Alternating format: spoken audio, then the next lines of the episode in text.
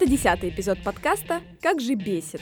В нем мы говорим о событиях и явлениях, которые нас цепляют, возмущают и просто бесят. Всем привет, я Екатерина Павлова. Здравствуйте. Я Олеся Лагашина, и меня бесит домогательство. Странно, почему? Удивительно, правда?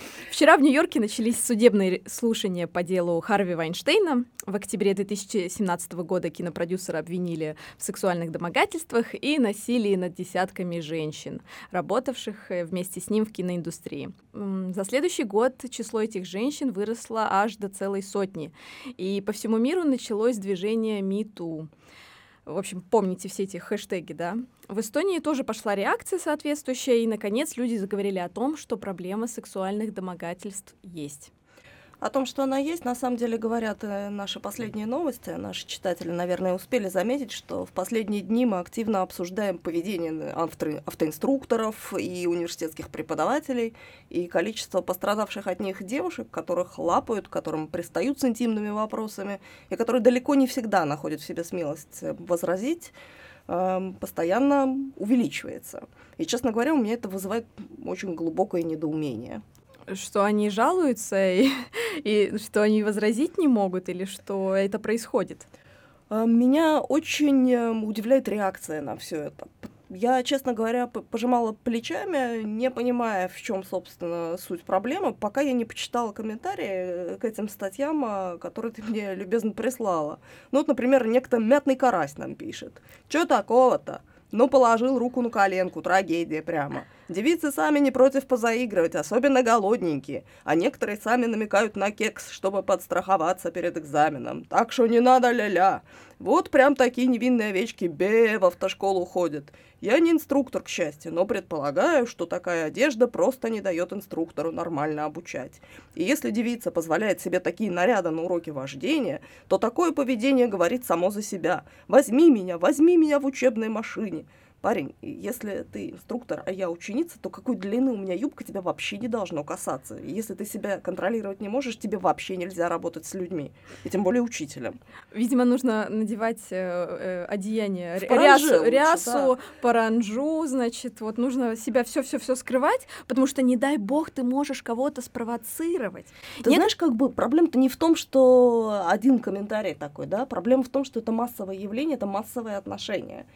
И это настолько кажется диким, что ты начинаешь осознавать, что, в общем-то, нам есть о чем говорить. И самое печальное, э, жертвы домогательства, они начинают винить как раз-таки сами себя. Я считаю просто, что некоторым мужчинам удобно думать, что девушка, надевшая э, юбку выше колена и накрасившая, не дай бог, губы красным цветом, а вот она сделала это именно ради него, потому что она вот э, жаждет его и мечтает о том, чтобы он наконец положил свою эту потную грязную ладонь ей, блин, на колено. Это отличное оправдание э, своему жалкому поведению, своим каким-то низменным желаниям. Это отличное оправдание, что, мол, это не я, она сама виновата. Он сам приш... Она сама пришла ко мне в автошколу, mm-hmm. сама села в мою машину. Если ты можешь думать только своими гениталиями, то тебя вообще надо изолировать от общества, потому что ты просто опасен не только для девушек, а вообще для детей, для бабушек, например. Бабушка, Причем... которая пришла сдавать на права подверглась домогательствам. Ну, такой тоже, наверное, может быть. Почему нет? Когда вот э, комментаторы обвиняют, что ты там как-то не так оделась, да, э, никто ж не знает, причем как люди-то реально одеваются. То есть вот все девушки, которые описаны в статье как жертвы домогательств, нигде не пишется, что вот, ну да, она там мини-юбку надела. Может, она реально была там вообще в скафандре, какой-нибудь зима была, у нее горнолыжные штаны. А какое вообще сексуальное влечение может идти речь? Да, помнится, я, когда училась на права, я приходила туда в футболке с надписью «Михаил Шумахер». Наверное, инструктору очень нравилось. Э, вот, к примеру, комментатор Алексей пишет. Сдавал два раза на разные категории права. Девушки специально одевались вызывающие, строили глазки, дабы смягчить свою участь перед экзаменатором, либо же инструктором. Мое мнение, приходя на экзамен или на обучение в автошколу, оденься так, чтобы ничего не отвлекало от предмета. А то сами ставят себе цель отвлечь внимание от основной темы, а потом кто-то виноват. Есть такая поговорка «сучка не захочет, кабель не вскочит» тяжелые случаи. Вообще. Это отвратительно на самом деле. А дальше он еще и пишет. Как Тореадор размахивает тряпкой перед мордой быка, так и все эти хождения почти в неглиже перед мужчинами, которые находятся в доминирующей позиции, э, например, учитель, сравни размахиванию тряпкой на арене перед мордой быка. То есть комментатор этот сейчас сравнивает мужчину с животным. Животное подчинено инстинктам. Оно справляет нужду на публике, оно совокупляется на публике. Соответственно, по его логике, э, если человек будет это делать, на, в, в обществе, да, на улице, то его нельзя за это наказывать. Не, ну, мало того, что это очень хамский комментарий, да, это еще и вопиющий непрофессионализм инструктора, на самом деле, если он вообще на что-то отвлекается во время вождения. А если он за рулем, а рядом пешеход, который чешет мимо в короткой юбке, который чуть выше пояса, если он э, кого-то при этом собьет, если он совершит аварию, извините, будет девушка виновата, которая мимо шла в короткой юбке. А ты думаешь, почему у нас такой высокий процент э, ДТП? Я больше не видела потому на что, в короткой Потому юбке. что женщины у нас, понимаете ли, одеваются как шлюхи. Вот тебе и ответ. Надо это заявить, заявить нашему министру внутренних дел. Что вот в чем как Он оказывается альфа-самец, проблема. он, пожалуй, еще и оценит. Меня еще поражает, что некоторые, когда речь заходит о домогательствах, считают проблему надуманной. Недавно на Лимоне была статья на основе сюжета Пиальтнаги о том, что выпускница Тартусского университета обвинила профессора в домогательствах. И вот в комментариях под обсуждением статьи в Фейсбуке пишут. Проблема надумана. 20 лет назад все сами разбирались, и никто не бежал на телевидение, в соцсети и прессу жаловаться. Проблемы первого мира — поколение снежинок. Кстати говоря, между прочим, в африканских странах третьего мира с домогательством на рабочем месте сталкиваются более 60, а то и 80% женщин в зависимости от страны.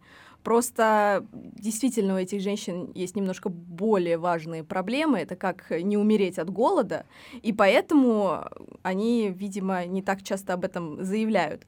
Но почему мы, женщины, которые живут в благополучных странах, должны молчать и покрывать этих э, дебилов, которые себе позволяют такое отвратительное поведение. Когда-то, кстати, к, к изнасилованиям тоже было отношение, мол, ну ладно, иди ты сходи в полицию, напиши заявление, мол, что ты тут орешь на каждом шагу, что тебя изнасиловали. Ну, еще до этого к этому было такое отношение, что, естественно, ты сама виновата, и ты опозорена. Да. И только недавно к этому как-то стали по-другому относиться, но все равно эта проблема до сих пор есть. И как говорить о проблемах в обществе, э, если не через СМИ? Другой комментатор вторит первому. Может, не стоит транспонировать заокеанскую чушь в наши реалии?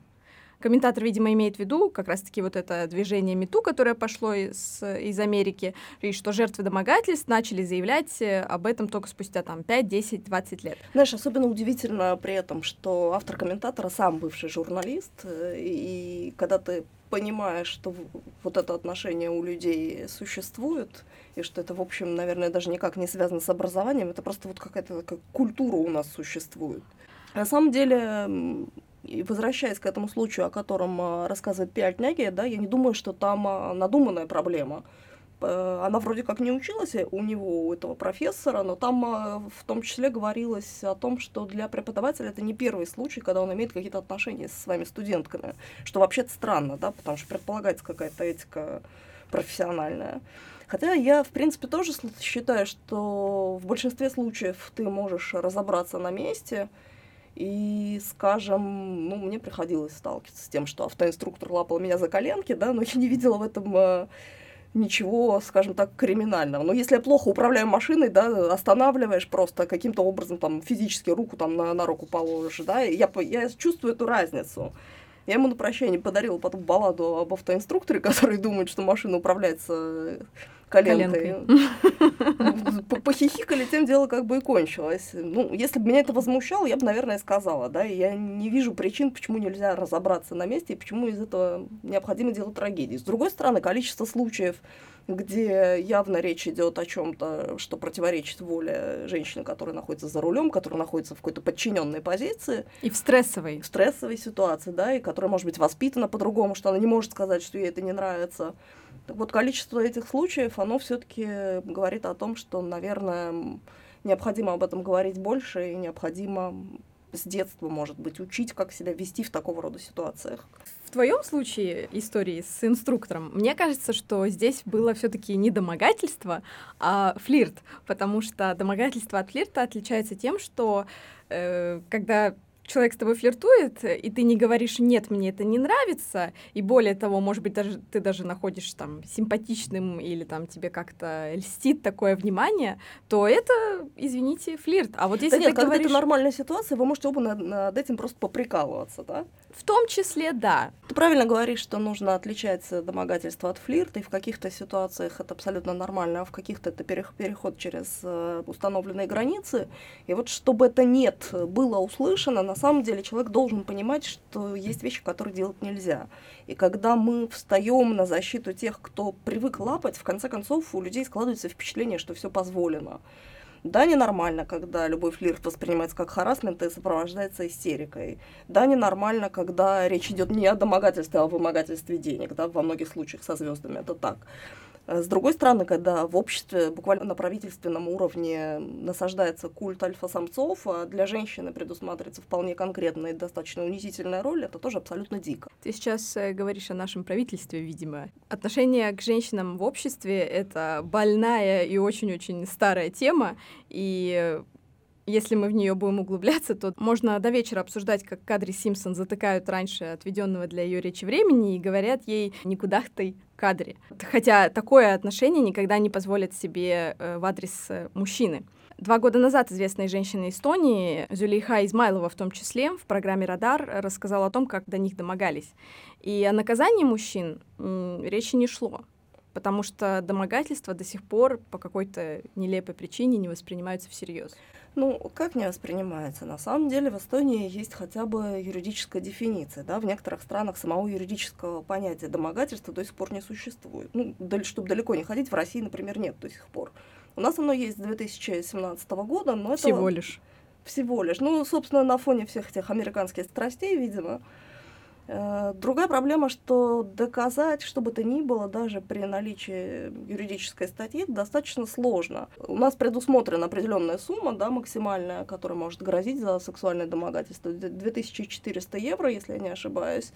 Но да, это вроде бы большая сумма, но ты же не ходишь э, с диктофоном, ты не ходишь э, с видеокамерой, ты не снимаешь поведение тех, кто может домогаться, да, а как потом это доказывать? Если нет свидетелей. Ну, я не знаю, разве что в случае автоинструкторов поставить видеорегистратор в машину, чтобы он смотрел внутрь. Даже, мне кажется, если имя человека названо, да, он уже несет какой-то репутационный ущерб. С другой стороны, а если для него это не так важно? Да и то мы видим, как много людей на самом деле готовы встать на защиту таких людей. Ну, может быть, тогда выход только если включать диктофон на следующем занятии, или там, если начальник домогается, то сохранять все э, имейлы или все сообщения, да. которые... Ну, когда да, это письменно зафиксировано, немножко проще, можно продемонстрировать, можно каким-то образом доказать. А если это где-то в достаточно уединенной обстановке происходит, как и в машине никакой нет, ну, как ты приходишь и учиться, да, ты не думаешь о том, э, что там может произойти, что мне надо фиксировать все, что будет происходить. И если бы со мной происходило нечто подобное, наверное, я просто бы не пошла на следующее занятие.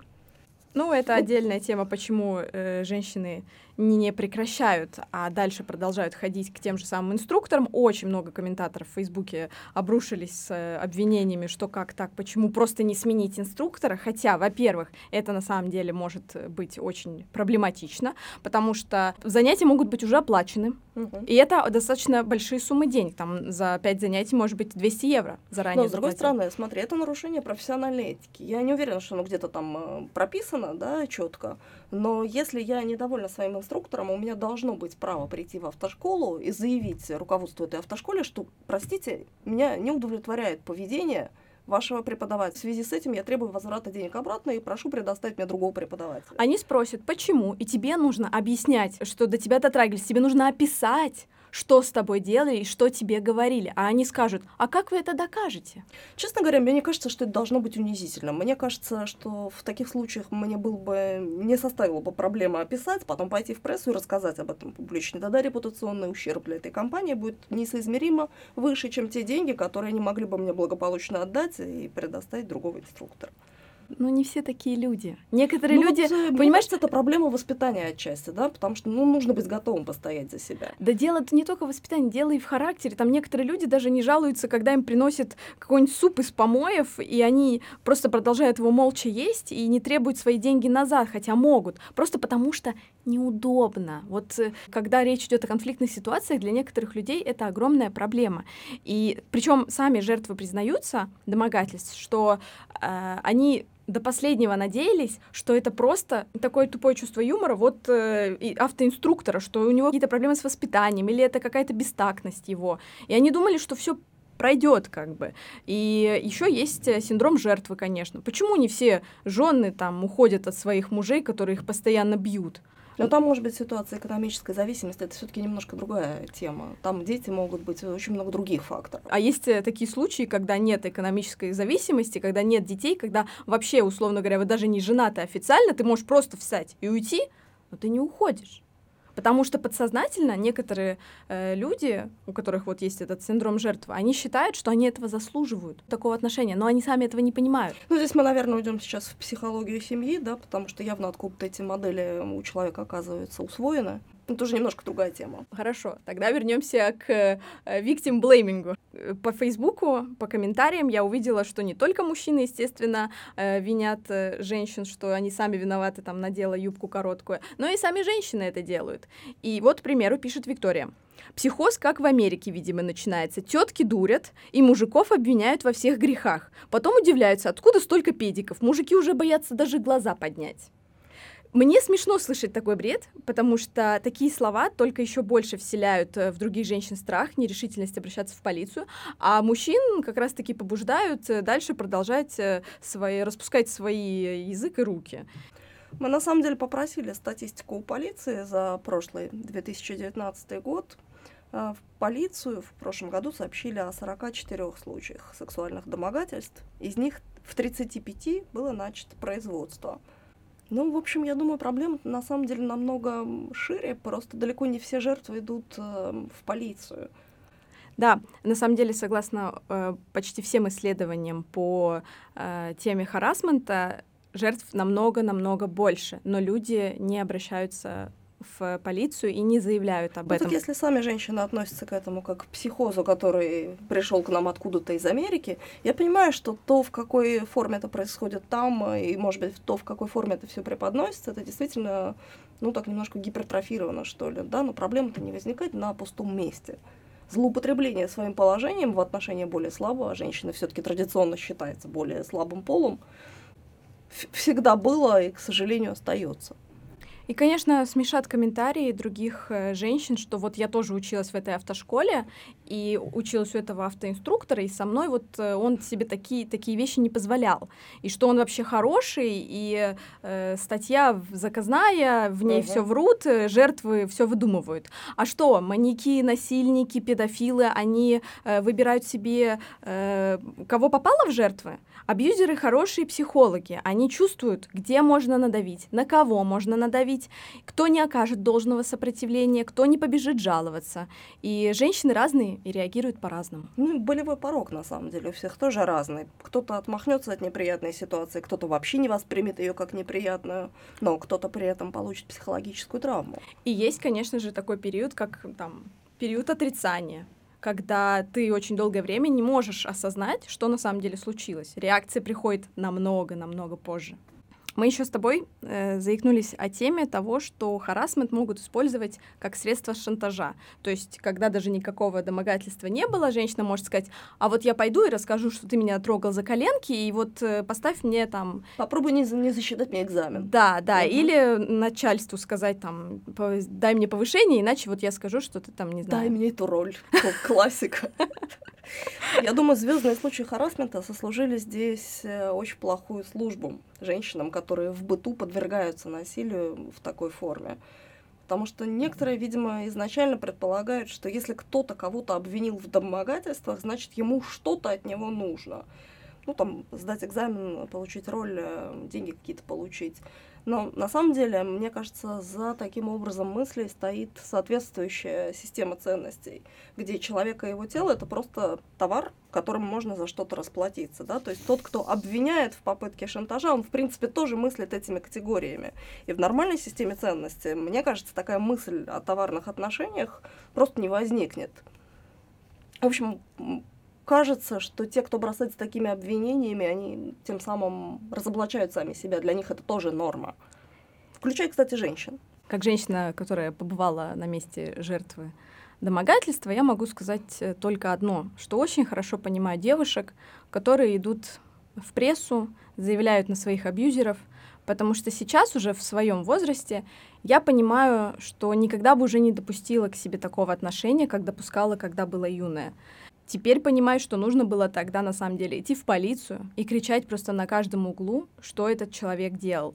Потому что... Но ты сейчас не кричишь об этом. Теперь-то я понимаю, что нужно, нужно было заявить тогда, но уже поздно. Но я призываю других женщин своевременно обращаться в полицию, чтобы абьюзеры не могли с легкостью улизнуть от правосудия и платили за свое мерзкое поведение. Потому что если этот человек позволяет себе такое отношение с вами, значит, вы точно не последняя, с кем он будет так обращаться. Ну, плюс ко всему стоит э, помнить, да, что срок давности там два года, да, то есть э, в моем случае уже поздно. В твоем случае поздно, да. Но такие вещи хорошо бы знать и не ходить, не раздумывать. Если вы действительно считаете, что перед вами виноваты, такие вещи надо озвучивать. Потому что иначе у нас сохранится в обществе отношение к жертве как виновнице, у нас сохранится этот victim blaming. Э, в общем, женщины, мужчины и все остальные, учитесь постоять за себя. Родители, учите этому своих детей. А нам, наверное, стоит больше работать над тем, чтобы в обществе формировалась другая система ценностей, в которой жертва перестанет считаться заведомо виноватой. Спасибо, что слушали нас. Подписывайтесь и пишите нам на венособачка.постимес.е и оставляйте свои комментарии о том, что раздражает вас.